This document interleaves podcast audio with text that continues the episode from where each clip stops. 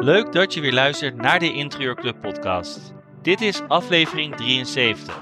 In deze podcast gaan we het hebben over duurzaamheid. Drie experts gaan de zeven meest gestelde vragen beantwoorden van interieurprofessionals. Nou, dat is ook wel fijn, denk ik, voor al die interieurprofessionals die vragen van, ja, wat is dan duurzamer, deze vloer of deze vloer? Weet je, ik kan me heel goed voorstellen dat veel van dat soort vragen leven. In deze podcast zijn te gast Machteld Rijnte van The Substitute, duurzame interieurontwerper Jan Visser en Maarten Kruithof van Vitra Circle. Veel plezier met luisteren naar deze podcast. En ik ga eerst mijn drie gasten vragen zichzelf voorstellen. Jan Visser, zou jij jezelf als eerst willen voorstellen? Zeker. Ik uh, ben Jan Visser, sinds een uh, jaar of drie bezig als interieurontwerper. En met name met duurzaam interieurontwerp hou ik me bezig. En ik help mensen die uh, ja, duurzame keuzes willen maken in hun leven, maar daarvoor een interieur nog niet helemaal lekker uitkomen. En vanwaar de interesse in duurzaamheid?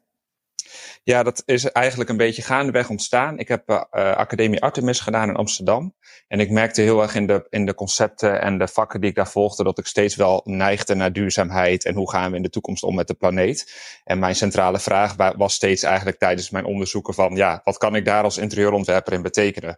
Dus het was eigenlijk een soort logisch gevolg van uh, ja, de stappen die ik heb genomen in mijn uh, leertraject. En zit dan in ieder ontwerp die je maakt altijd iets duurzaams? Uh, niet per se, maar ik probeer wel uh, altijd na te denken. Nou, dat zal Machteld ook uh, kunnen beamen. Te kijken, zijn er alternatieven? en hoe kunnen we het ook anders doen? En het hangt per opdrachtgever af. Maar ik vind het in ieder geval heel erg fijn om samen met opdrachtgevers ja, die uitdaging aan te gaan. Van hoe kun je nou duurzame keuzes maken in je, ja, in je interieurontwerp. Dus ja, en ik denk ook wel dat de vraag, dat is misschien ook interessant voor de luisteraars, daarvoor ook uh, zal toenemen in de toekomst. Omdat consumenten zich steeds meer bewust worden van de keuzes die ze maken in hun dagelijks leven. Dankjewel. Mijn tweede gast is Machteld Rijnte van de Substitute. Machteld, zou je ook iets over jezelf kunnen vertellen? Ja, ik ben zelf zo'n vier jaar geleden begonnen met duurzaamheid en interieur. Uh, dat is inmiddels uitgegroeid tot een grotere community van duurzame merken en uh, professionals, waar ook uh, Jan bij zit, maar ook Maarten van Vitra zijn ook lid.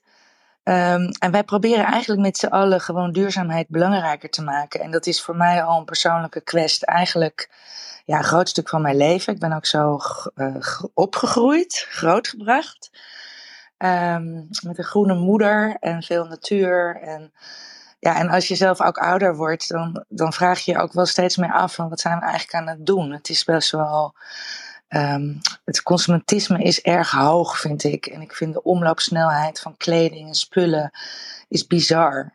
En ja, we creëren zoveel afval en dat is zoveel uh, verloren grondstoffen.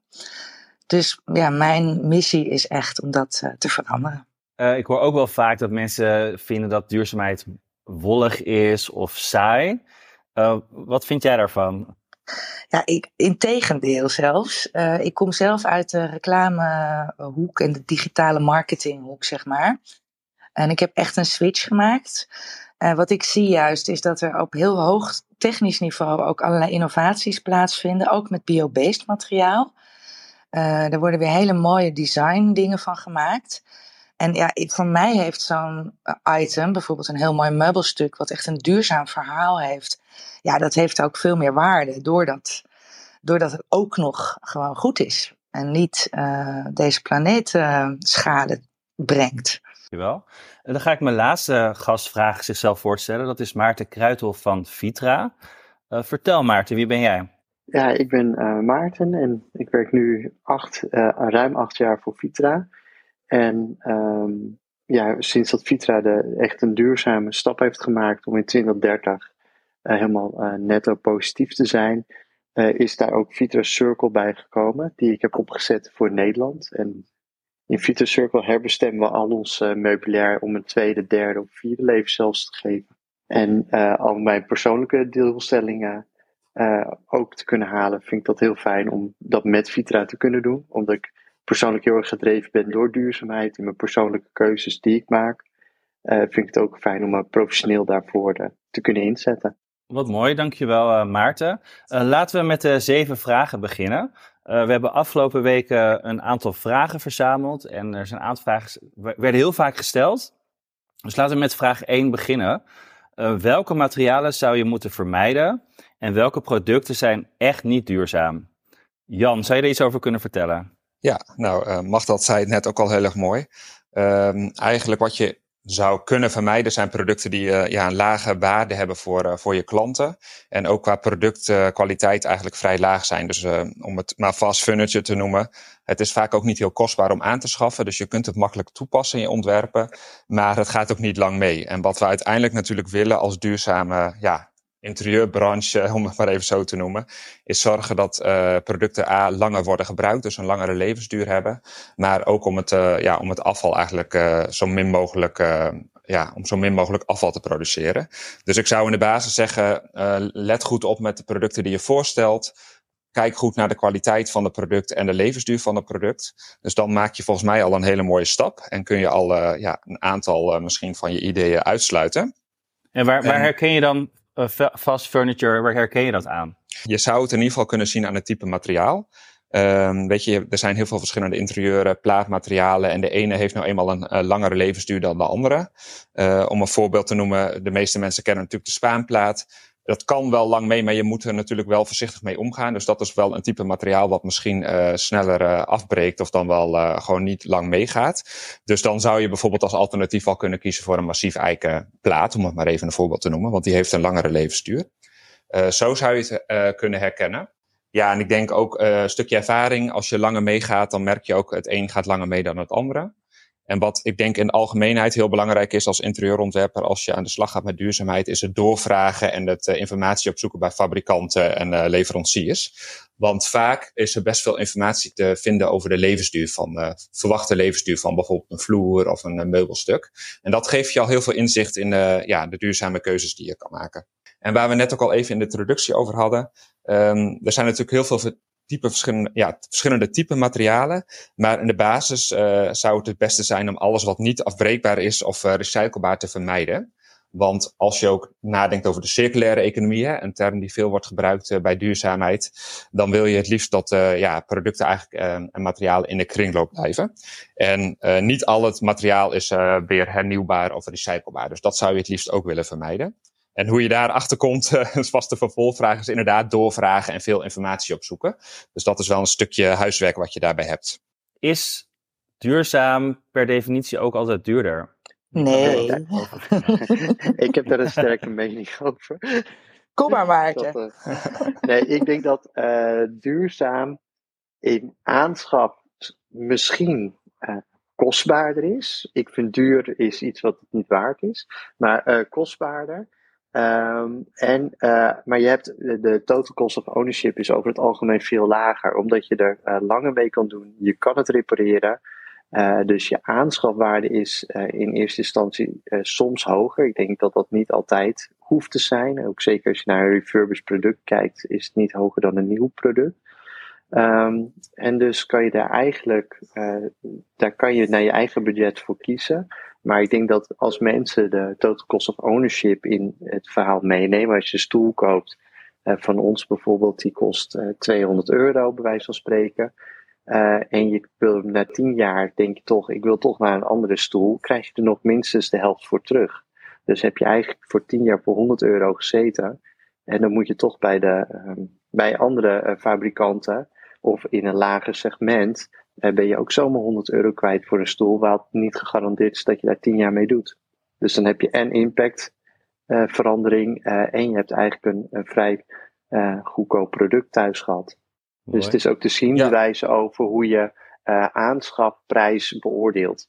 Dat ja. ben ik het mee eens. En wat ik zelf als interieurontwerper doe, is dan kun je het in fases uh, presenteren. Dan, uh, hè, dat is dan je eindplan. En daar kan een klant ook voor sparen of gaan zoeken. Hè? Want stel je uh, stelt een, een, een up, geupcyclede stoel voor, dan kunnen ze daar ook langer naar op zoek gaan. Of dan gaan ze in die soort van stijl op zoek. En dan kunnen ze daar ook wat voor sparen. Dus ik probeer, als het al duurder is in aanschaf, het ook op deze manier te brengen. En daarmee kun je ook gewoon nog steeds wel een heel totaal plan maken je, kan je, je, je kan je budget gewoon op een andere manier verdelen eigenlijk. Je gaat ook kijken, uh, meer kijken naar wat er al is. Dus dat scheelt weer geld. En aan de andere kant kan je dan misschien een iets duurdere muurafwerking kiezen. Uh, en misschien nog weer wat inruilen uh, via de marktplaats. En weer wat nieuws zoeken. En er zijn ook curated platformen die heel mooi in stijl, design of in bepaalde trendy rotan-stijl zitten. Uh, waar je terecht kunt voor prachtige tweedehands opties als jij wel wat nieuws wil. Dus ja, je budgetverdeling gaat gewoon wat anders. En ja, het is ook heel mooi dat je daarbij gewoon de planeet meeneemt. Een, een duurzaam interieur is niet per se duurder of minder kwalitatief of minder comfortabel. Of, en het oog niet per se stoffig. Dus dat wilde ik als uh, graag nog meegeven. Dat het alle kanten op kan. En ongeacht jouw stijl, budget of smaak uh, kun je hier keuzes in maken. Dus dat vind ik het mooie en het leuke ervan. Ik heb hier een uh, setje Friso Kramerstoelen staan. Hartstikke tof. Heel mooi. Ja, die worden alleen maar meer waard. Ja, ik denk dat als je voor een product gaat zoeken, moet je een, een product um, zoeken die uh, doordacht ontworpen is. En dat is natuurlijk design uh, als, uh, als overkoepelende term. Maar ik denk dat als je een product hebt waar goed over nagedacht is, door de jaren heen door verschillende fabrikanten doorontwikkeld is om ook fouten eruit te halen. We hebben producties die nu vanuit 1950 lopen, waar we ook uh, eigenlijk elke keer als we een verbetering doen, het ook een verbetering is voor de levensduur van het product. Uh, of uh, grondstoffen aanpassen dat ze nog duurzamer zijn. Bijvoorbeeld het leer wordt bij ons niet meer met chroom gelooid, maar alleen nog maar met olijfbladeren of de, ja, substantie daaruit. zodat we eigenlijk daarin een hele schuif hebben gemaakt. Dus ik denk dat dat ook goed is om mee te nemen, dat je ook een doordacht product koopt en niet uh, je snelle behoefte bevredigt met, oh ja, leuk, uh, verloerstoeltje is nu in, ik koop er even vier voor mijn eettafel. Marike Kamphuis en ik van de Substitute, wij hebben uh, recentelijk impactonderzoek laten doen. Dat hebben we gedaan samen met New Economy. Die meten echt impact op gebied van materiaal en um, ook meubels. Um, en daaruit komen, ja, komen hele mooie resultaten eigenlijk. En kunnen we eindelijk uh, dingetjes op een rij gaan zetten. We komen daar echt binnenkort mee naar buiten. Dus dat, wordt, uh, ja, dat is ook wel fijn, denk ik, voor al die interieurprofessionals die vragen van ja, wat is dan duurzamer, deze vloer of deze vloer? Weet je, ik kan me heel goed voorstellen dat veel van dat soort vragen leven. Absoluut. En, ik, en ik denk ook inderdaad fabrikanten misschien dat die inderdaad het zelf ook niet helemaal weten of het ook niet goed kunnen vergelijken. Klopt, klopt helemaal. En het is ook echt best wel lastig. Want sommige dingen gaan bijvoorbeeld best lang mee. En bijvoorbeeld, ik noem een voorbeeld, bij vloeren. Nou, wij zouden zeggen, liever geen PVC, liever geen keramische tegels, ook liever geen gietvloeren van epoxy. Want dat zijn echt hele onduurzame materialen. En dan denk je, een, een plastic uh, kliklaminaat is misschien ook slecht. Dat is inderdaad niet zo heel goed, maar die komt er nog best goed uit qua impact, omdat je hem gewoon weer in een nieuw huis ook kan leggen. Dus hij kan een leven, meer levens mee, zeg maar. Nou, als je op die manier gaat kijken, dan, uh, dan heb je echt verrassende resultaten. En dan is er dus ook vaak een budgetvriendelijk alternatief. Uh, wat in ieder geval vele malen beter is dan bijvoorbeeld een gietvloer. Wat ook best wel duur is, maar waar veel mensen redelijk klakkeloos voor kiezen. En je kunt dat ook, uh, zo'n soort look kun je ook creëren met een uh, bijvoorbeeld. Nou, zo zijn er veel voorbeelden. Maar er zijn ook voorbeelden die je echt moet vermijden. Chroom bijvoorbeeld, nieuwe chrome dingen. Ja, chroom is gewoon een heel giftig materiaal. Uh, is ook een beetje een conflictmateriaal. Je, we hebben er niet meer veel van op deze planeet. Dus vermijd dingen die gewoon ook opraken. Ik had zo inderdaad uh, fijn dat je al wat voorbeelden noemt. Ik had er ook een paar ja. opgezocht, dus misschien kun je ook aanvullen als je er anders over denkt. Maar inderdaad, er zijn verschillende aspecten wat je al aangeeft. Het, het heeft te maken met de biodiversiteit, uh, eindige grondstoffen. Ook een stukje giftige stoffen die in materialen zitten, die gewoon helemaal niet fijn zijn om in je huis of in je gebouw te hebben. En uiteraard de bekende CO2-uitstoot uh, natuurlijk, wat te maken heeft met, met klimaatverandering. Inderdaad, dus er zijn vaak alternatieven. En producten die, uh, die wellicht beter geschikt zijn. En ik denk wat Macht dat ook zegt. Uh, het hangt heel erg sterk ook wel af van hoe lang je gepland bent om iets te veranderen. Want, of te gebruiken. Want een tegelvloer is in essentie misschien niet de duurzaamste optie inderdaad. Maar als je plant om een 15 jaar te gebruiken, dan valt Ja. er wel wat voor te zeggen. Dus het is ook niet zo zwart-wit, hè, mag dat. Het is vaak Nee, dat klopt, dat klopt helemaal. Ja, ja. Ja, dat klopt helemaal. Ehm, wat wij ook zien, en dat is, ja, dat is eigenlijk, vind ik zelf, een van de mooiste resultaten. Langer met je spullen doen. Bijvoorbeeld als jij twee keer zo lang met je spullen doet, dan heb je gewoon twee keer zoveel impact, maak je dan. Dus dat, dat is zoveel beter. En dat is eigenlijk niet zo moeilijk. Alleen moet je naar een andere. eh, je moet een beetje shiften naar een ander patroon. Je moet niet denken, hé, hey, dan neem ik een nieuwe bank. eh, want er is een nieuwe trendkleur. Maar denk dan, ik ga mijn oude bank een nieuw eh, stofferen bijvoorbeeld. Dus kijk, op die manier kun je langer met je spullen doen en eh, verlaag je enorm je impact. Ik, Ja. ik denk wat de vraag die veel voorkwam, volgens mij Mark was over verf, heb ik goed begrepen. Klopt, ja, Dat dat is inderdaad. eh, ja, hoe, hoe duurzaam is verf eigenlijk? Ja, Precies. Ja, nou ja, wat ik kan, eh, nou, vul me aan. Ik denk dat dat een mooi voorbeeld is om even te noemen hoe dat dan gaat. In verf eh, zitten normaal ook wel, eh, in conventionele verf zitten in ieder geval veel giftige stoffen. En, ehm, en ook ja, vluchtige organische stoffen heet dat. En het productieproces is vaak ook best wel vervuilend. Dus in essentie, hoe het wordt gemaakt is niet heel erg goed. En als je het toepast in je huis, dan is het ook nog eens niet goed voor, voor de mensen en schadelijk voor je gezondheid. Dus dat is bijvoorbeeld wel een product waarbij je een natuurlijke variant zou kunnen kiezen. Waarbij ik het denk heel belangrijk is dat je ook let op de, ja, de, de labels en de keurmerken. Daar zullen we vast nog wel even over hebben. Eh, want eh, dat geeft je al veel informatie over het type verf en de productieproces en eh, de inhoud van het product. ja nog heel even over verf aanvullend. Ehm, de meeste muurverven zijn gewoon plastic. Die zie je ook, staat acryl, is acrylverf. Ehm, het, het nare is dat je dus eigenlijk je muren dichtsmeert met een laagje, dun laagje plastic. Waardoor je ah, ja, de, de natuurlijke vochthuishouding in je huis eigenlijk eh teniet wordt gedaan. En dat is ontzettend jammer, want dat heeft inderdaad ook gezondheidsaspecten. Ehm, je zou dan kunnen kiezen voor een kalkverf en voor, voor een eh, be- ja, betonlook heeft hij bijvoorbeeld. Eh, leemverf, Terrafino is een fantastisch product.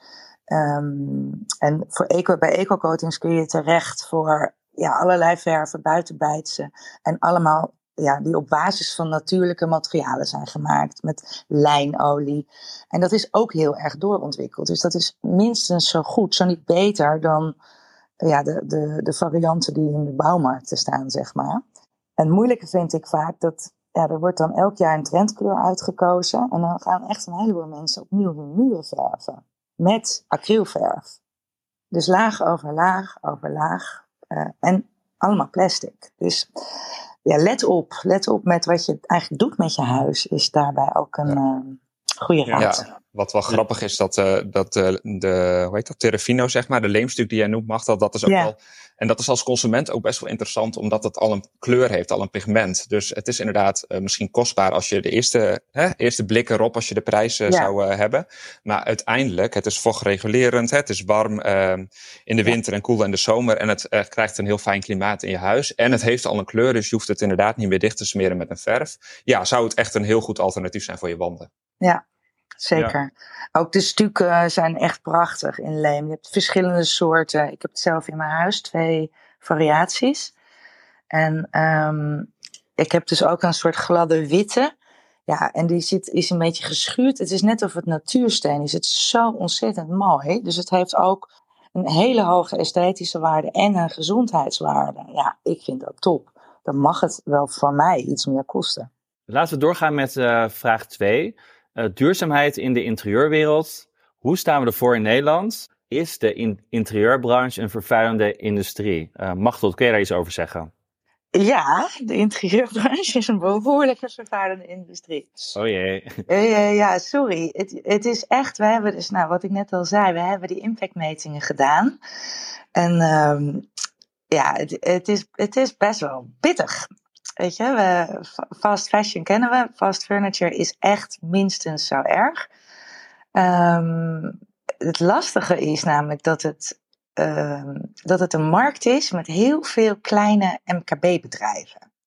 Dat is dus niet, uh, in de fashion heb je ook van die hele grote. En die zijn een beetje aan het concurreren nu op duurzaamheid. en daar zit nog heel veel greenwashing bij hoor, dus blijf opletten.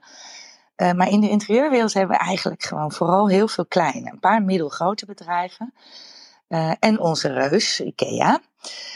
Uh, maar over het algemeen is het gewoon best wel een. een ja, je moet hard werken als, als ondernemer. en als je klein bent, dan heb je niet de innovatiekracht van een groter bedrijf. Dus nou, de cijfers zijn als volgt. De markt is op 2% qua duurzaamheid. Terwijl al meer dan een kwart van de consument duurzame producten eigenlijk wil en ook bereid is om daar dus wat meer voor te betalen. Dus het is eigenlijk uh, een gat in de markt, duurzaamheid. Dus ik zeg, uh, hup, uh, allemaal wat meer daarmee bezig en dan maken we echt enorme impact. En lopen wij in Nederland dan nog voor op de rest van, van de wereld of zijn wij achterlopers? Hoe, hoe moet ik dat zien? Eh, ja, ik denk dat we in Nederland niet heel erg achterlopen. Qua duurzaamheid algemeen zijn wij best goed bezig. We recyclen als een kampioen bijvoorbeeld. Alleen weten we nog niet genoeg. Um, ook met uh, recyclestoffen bijvoorbeeld. Om dat op 100% recycling te krijgen. Wat je eigenlijk wil in een circulaire economie. Dat is nog heel lastig. Daar zijn nog te weinig bedrijven van in Nederland. Um, maar je ziet veel familiebedrijven bijvoorbeeld stappen nemen. Auping, Leolux, Arco, Label, Betterfair. Weet je, dit zijn allemaal familiebedrijven met een duurzame missie. Dus het kan wel.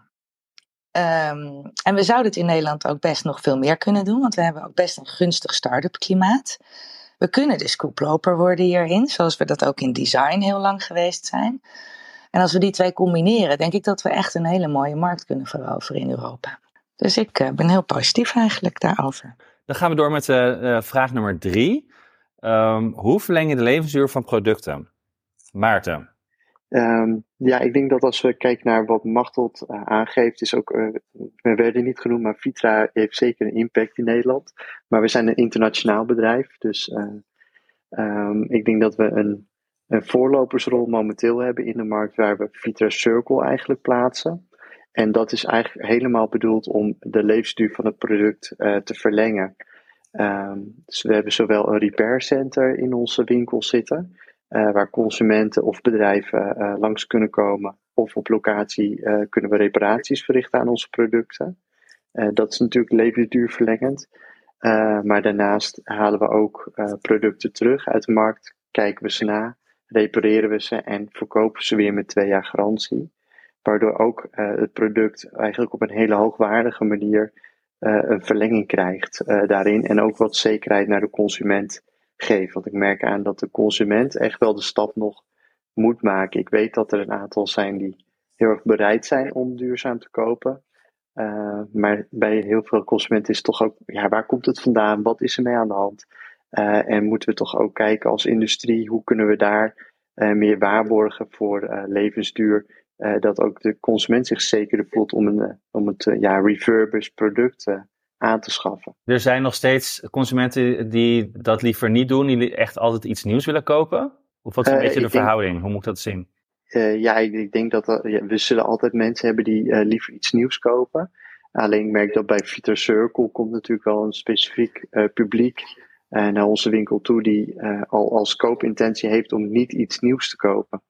Um, dus ja. uh, in die zin um, hebben we natuurlijk een grote afzetmarkt op nieuwe producten, waar we ook uh, een heel stuk duurzaamheid in uh, verwerken. Maar ja, een product wat al bestaat en opnieuw verkocht wordt, dat is eigenlijk veel beter qua duurzaamheid. En dat ja. is denk ik ook wel de, het spanningsveld voor de industrie. en ook zeker voor wat kleinere bedrijven om te kijken hoe kan je een verdienmodel maken op ook het circulair uh, herbestemmen van je eigen meubilair. Um, zodat het ook niet een bedreiging is voor je business. Ja, Vitra is echt, vinden wij ook echt een topvoorbeeld. Omdat ze hè, dat repairstuk gewoon in, in hun Circle Store in Zaandam hebben zitten.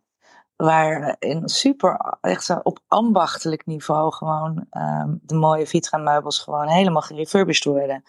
En je ziet ook in de markt, dat wijst onderzoek ook uit, dat de consument uh, als eerste heel, uh, zeg maar, wel naar refurbished gaat kijken. En wat minder snel naar tweedehands als uh, label. dan is dat, lijkt dat misschien hetzelfde, maar bij refurbished krijg je ook weer opnieuw garanties op je product. En dat maakt dat veel mensen dat een hele acceptabele eerste stap vinden. Wat ik ook mooi vind aan wat jullie doen, Maarten, is dat het ook uh, de duurzaamheidsclichés een beetje omverwerkt. Hè? Want een interieur met jullie meubels, uh, meubels, dat ziet er gewoon ontzettend, het kan er heel trendy uitzien. Het kan allerlei stijlen hebben. En het oogt zeker niet uh, tweedehands vintage of retro, wat er vaak een beetje gekoppeld wordt aan, aan hergebruik. Dus het laat ook op een hele gave manier zien hoe je eigenlijk ook als interieurontwerper, welke stijl je ook de voorkeur voor hebt, veel verschillende kanten mee op kan. Dat vind ik ook wel heel mooi om te zien. Ja, dat heeft natuurlijk ook. Uh, ja, we hebben een hele brede collectie, dus uh, je kan nog steeds alle kanten mee op. Uh, en het zijn ook echt producten, proberen we in de, ja, het hoogste niveau terug te krijgen. Ehm, daarin. Dus het is inderdaad niet dat, dat je een sleets interieur hebt en zie maar duurzaam zijn. Het, dat hoeft helemaal niet de uitstraling te zijn. Ik vraag me af, werken jullie ook veel samen met interieurarchitecten of architecten? Of zijn het met name consumenten? Wat is jullie doelgroep? Um, de grootste groep is consumenten. En voor mij is het wel een uitdaging om eigenlijk interieurontwerpers uh, heel erg uh, aan te haken. Alleen daar moet de interieurontwerper ook een heel ander uh, ontwerpproces voor gaan omarmen. Want eigenlijk wat een interieurontwerper voornamelijk doet, is die vraagt uit bij zijn klant van wat wilt u, wat zijn de behoeftes van het van de in, in te richten ruimte, weet je, is het een restaurant, woonkamer of iets. En dan maken ze een mooi plan. Uh, met een voorstel. Uh, alleen als je vanuit duurzaamheid gaat kijken en vanuit circulariteit zou je ook vanuit aanbod uh, je ontwerp moeten opbouwen. Omdat als jij je kleurplan helemaal op groen inzet, maar ik heb 50 blauwe stoelen staan, um, maar geen groene, dan zou je eigenlijk daarin veel meer, daar ligt het spanningsveld nu vaak dat interieurontwerp zegt, ja, heb je dit of in die kleur? En dan zeg ik nee, ik heb het wel in, in, in, in licht grijs in plaats van, uh, van geel bijvoorbeeld. Ja, ja. Um, en daarin moeten we denk ik ook een denkshift uh, maken. En dat zou ik ook, uh, vind ik ook leuk om een keer met Jan nog extra in gesprek te gaan over hoe we daar elkaar ja, kunnen dat, vinden. Het is interessant wat je zegt en het is zeker de ervaring die ik ook heb van je stelt een groene bank voor of een bepaald item en je weet nog niet of je dat kan vinden. Uh, ja, wat is de goede volgorde daarin? En dat ja. vraagt denk ik flexibiliteit van de ontwerper, maar zeker ook van de opdrachtgever. Dus dat, uh, dat is interessant inderdaad. Ja, de footprint. Um, waar moet je op letten en hoe kom je achter deze informatie? Uh, Machtold, weet jij daar wat, kun je daar wat meer over vertellen? Ja, kijk, de, je hebt natuurlijk je eigen footprint, je eigen leven. Uh, nou, daarin zou je eens kunnen doen uh, de test van de verborgen impact. Uh, die kun je uitrekenen op de website van Babette Porcelein. Zij heeft ook een boek geschreven, De Verborgen Impact. Interessant om te lezen. En dat geeft in ieder geval inzicht in waar zit nou de impact als, als je gewoon leeft. Wat, wat zou je dan duurzamer kunnen doen? Um, en bij meubels, wat we ook al een beetje in de eerste vraag hebben gezegd, kijk gewoon echt naar welk, van welk materiaal is het gemaakt. Waar komt het vandaan? Um, uh, zijn de materialen zo samengesteld dat ze nog los van elkaar kunnen? Kijk, je kan een kuipstoel hebben met een zitting. Uh, kan de zitting eraf? Dan zou betekenen dat je die zitting wat makkelijker kan vervangen. En dat die stoel dus, uh, het frame bijvoorbeeld, veel, veel meer levens mee kan. Nou, als je op die manier naar ontwerpen gaat kijken, dan zit je al een beetje in de hoek van ecodesign. En dat zijn ook uh, richtlijnen die eraan gaan komen. Dus um, ja, daar, dat is eigenlijk denk ik de eerste stap om eens te gaan doen. Je materiaal en zorgen dat het gewoon op een manier gemaakt wordt dat je eigenlijk de onderdelen weer kan hergebruiken. En um, ja, als het moet, recyclen. Maar in ieder geval uh, zorgen dat je veel langer met die spullen gaat doen. Dat is de grootste ja. impact. En verder, ja, wij komen straks dus met wat meer cijfers. Dus uh, volg de substitute en uh, zorg dat je op de hoogte blijft. Uh, Jan, jij bent natuurlijk een duurzame ontwerper. Dus ik neem aan dat jij bij heel veel dingen op, op, een, op de footprint let. Is dat niet heel veel werk? Nou, um, eigenlijk de substitute, dat is dan toch, wat mag dat zegt, daar hebben we inderdaad inzicht in materialen. Dus daar kun je eigenlijk al beginnen. Um, en het is ook zo als ontwerper, en ik denk, ja, dat ook uh, zie uh, Mark, je werkt ook vaak wel met je hè, favoriete fabrikanten, materialen, leveranciers. Dus in die zin um, leer je daar best wel snel in. En is het niet zo dat je elke keer het onderzoek opnieuw hoeft te doen. Dus ja, het vergt aan het begin wel wat tijd. Maar dat geldt denk ik voor elke interieurontwerper als je start bijvoorbeeld. Maar het uh, leert ook wel vrij snel. Dus ik zou het zeker niet als een, um, als een drempel zien om te starten met uh, duurzame keuzes maken in je ontwerp. Nee hoor, want er is heel veel informatie beschikbaar. Waar we bij Vita nu mee bezig zijn, is om eigenlijk elk product modulair op te bouwen. Dus elk nieuw product uh, heeft losse hoesen, zodat je het kan herstofferen, heeft losse onderdelen. Maar we gaan daar ook nu naartoe dat we ook um, zelfs filmpjes hebben. Hoe kan je iets zelf vervangen, bijvoorbeeld? Uh, dat is nu nog niet in de markt, maar dat komt er ook aan. dat we ook echt de consument of een zakelijke gebruiker heel erg makkelijk uitleggen um, hoe die zijn product uh, zijn levensduur kan verlengen, omdat eigenlijk in het designproces wordt 80% van de impact van het product uh, bepaald. Of je het kan uh, repareren, kan levensduur verlengend kan maken met relatief makkelijke ingrepen op een product. Dus dat is wel iets waar wij nu eigenlijk als, als doelstelling hebben dat we een product komt niet op de markt als het niet aan, dat, aan al die dingen voldoet. Dus dat is voor onze nieuwe producten. In onze oude producten zijn we eigenlijk nu helemaal aan het omtunen. Uh, waar we productvernieuwing doen, nemen we dit allemaal mee. Dus maken we alles uh, losstofveerbaar in plaats van verlijmingen bijvoorbeeld. Uh, en dat moeten we ook weer aan de consument uitleggen. Of aan de zakelijke klant waarom dan bijvoorbeeld een stoel een klein rimpeltje in de stof heeft zitten. Uh, omdat we niet meer verlijmen, bijvoorbeeld. Daarin maak je een grote impact. Interessant, leuk. Zijn we bij vraag 5 alweer aangekomen? de termen upcycling, recycling, downcycling. Dat hoor je regelmatig, hoor je die termen vallen. waar hebben we het dan eigenlijk over, Maarten? Upcycling is eigenlijk van een, een, een, een reststroom naar een product brengen.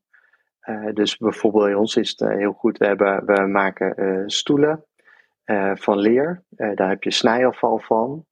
Uh, daar maken we bijvoorbeeld mousemats van.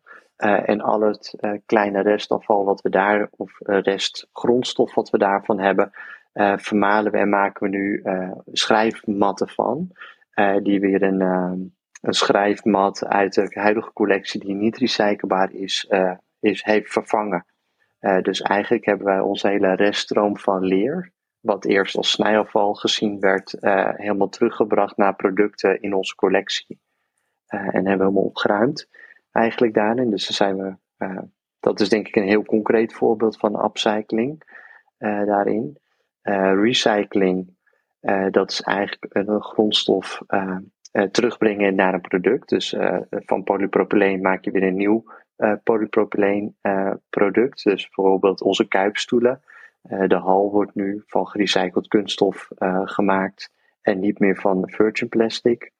Um, en downcycling moet je denk ik altijd voorkomen, omdat je dan grondstoffen niet naar waarde meer her terugbrengt in de kringloop.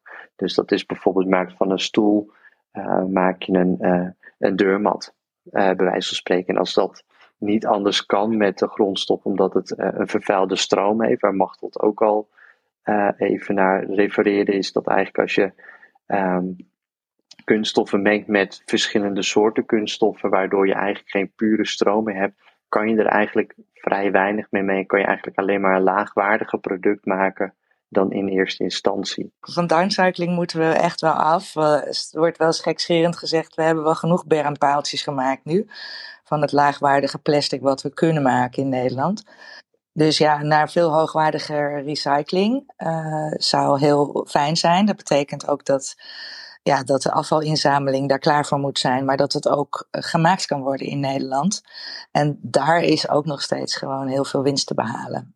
100% recycled plastic in Nederland maken is nog steeds lastig. En ja, dat is wel mooi. In Duitsland hebben ze uh, de gele zak bijvoorbeeld. Dat is een, een, een, een wat puurdere in, inzamelingsstroom dan wij in Nederland kennen op kunststof. En dat is wel, uh, dat, dat gebruiken wij deels voor onze producten, omdat dat wel echt mogelijk is om één op één vanuit het gerecyclede kunststof dan een, uh, een stoel te creëren. Bijvoorbeeld de Tipton RE is daar een voorbeeld van. Ik vroeg me af, hoe gaan jullie met om met meubelstoffering? Want ik hoor daar wel verschillende dingen over. Dus ik weet niet, uh, hè, wol, dat lijkt in mijn ogen in eerste instantie duurzaam. Maar het is volgens mij wel weer een vervuilende stof om te produceren. Heb jij daar wat ervaring mee en hoe gaan jullie daarmee om? ja, wat we nu zeggen is eigenlijk um, is, is dat alles wat we stofferen wat nieuw op de markt komt, uh, herstoffeerbaar moet zijn. Uh, om echt de levensduur van het product te verlengen. En echt, um, we proberen als we materialen toepassen, om het zo puur mogelijk ook toe te passen. Dus uh, als we bijvoorbeeld een gerecycled polyamidestof gebruiken, dan is die ook 100% daarvan, zodat ook de stof weer later gerecycled kan worden. Dus we kijken veel meer in op de samenstelling, dat we de eh, stroom zo puur mogelijk houden uh, daarin. En dat is eigenlijk altijd ook een afweging van een fabrikant. je kan natuurlijk iets 100% duurzaam maken, um, maar is de consument dat ook bereid te kopen? En ja. er zijn consumenten die bolle stoffen willen, dan maken wij het zo duurzaam mogelijk. Dus we letten op eh, ja, onze supply chain. Maar wol in definitie is eigenlijk al een belastend product, omdat het uit Australië komt en Nieuw-Zeeland. En eerst de hele wereld over moet uh, voordat het naar Europa komt. Um, daarin, maar als je kijkt naar hoe lang uh, wol als natuurlijk materiaal weer op een bekledingstof meegaat, heeft dat bijvoorbeeld weer heel veel, uh, veel langere levensduur dan een katoen of een linnenstof. Ik denk dat um, het moeilijk is om eh, altijd een antwoord te geven, is een product volledig duurzaam op alleen maar op materiaalniveau te bekijken. Van uh, heb je een gezin met kinderen, dan kan een wollenstof bijvoorbeeld veel beter zijn, omdat die ook goed schoon te maken is, lange levensduur heeft in het gebruik uh, waar die wordt toegepast. Ja, nee, dat kan ik zeker hoor. Dat het, de keuzes voor duurzame producten en materialen, dat hangt inderdaad af van verschillende factoren en vragen en uiteraard, uiteraard de gebruiker. En uh, ja, daarin maak je dan je keuzes inderdaad. Ja. En Jan, wat zijn uh, makkelijke to-do's wat betreft duurzaamheid uh, voor interieurprofessionals? Wat, wat kun je simpel toepassen? Nou, wat je in ieder geval zou kunnen doen is, ja, ik, om te kijken naar het interieur als middel en niet als doel als zich. En daar bedoel ik eigenlijk mee dat je ook je klant mee kan krijgen in het verhaal van duurzaamheid. Door te vertellen dat je met een duurzaam interieur meer waarde toevoegt. En dat is uh, letterlijk waarde voor een interieur, omdat het uh, hè, je huis bijvoorbeeld meer waard maakt, omdat je daar een mooi plan voor hebt gemaakt. Dus dat voeg je uiteraard toe als interieurontwerper. Maar ook waarde voor de gezondheid. En ik denk dat dat ook een argument is wat, uh, ja, wat, wat wel goed valt.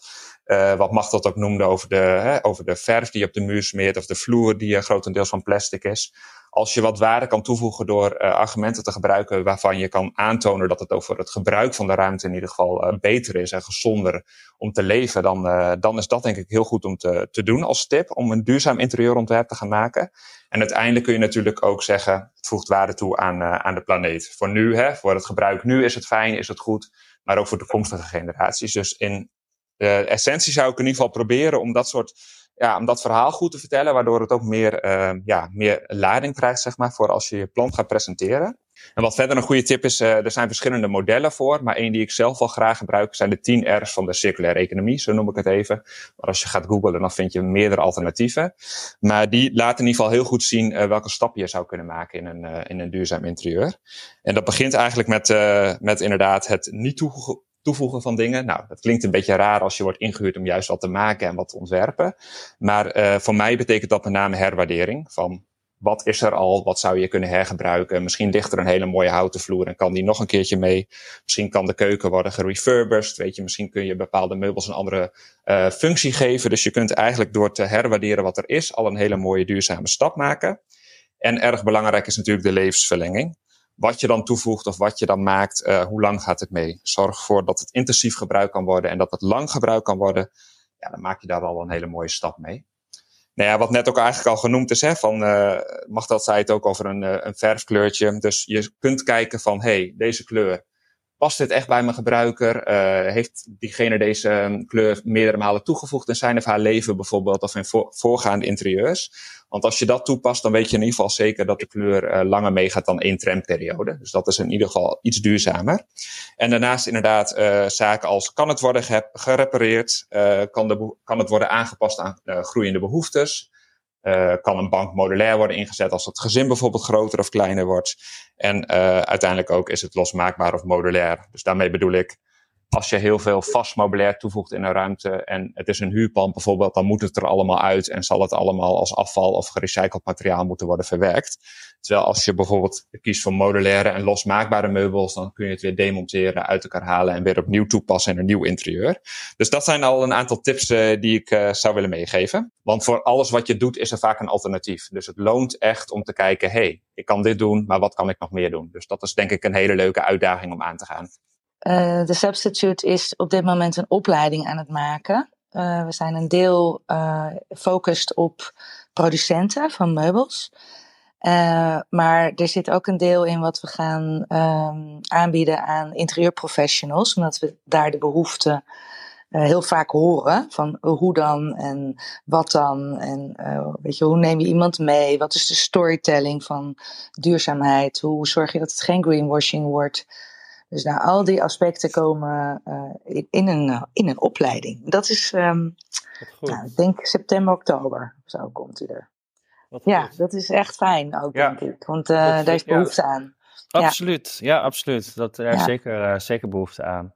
Weet je, ik, ik zeg van mezelf ook, weet je, je doet je best, je leert steeds meer en dat geldt denk ik voor ons allemaal. Dus ik zou ook als tip willen meegeven, wees niet bang dat je het nog niet helemaal weet, want niemand weet het helemaal. Uh, ja, ik, ik vind het gewoon denk ik heel goed om met z'n allen aan de slag te gaan en te kijken wat kan je al doen in kleine schaal.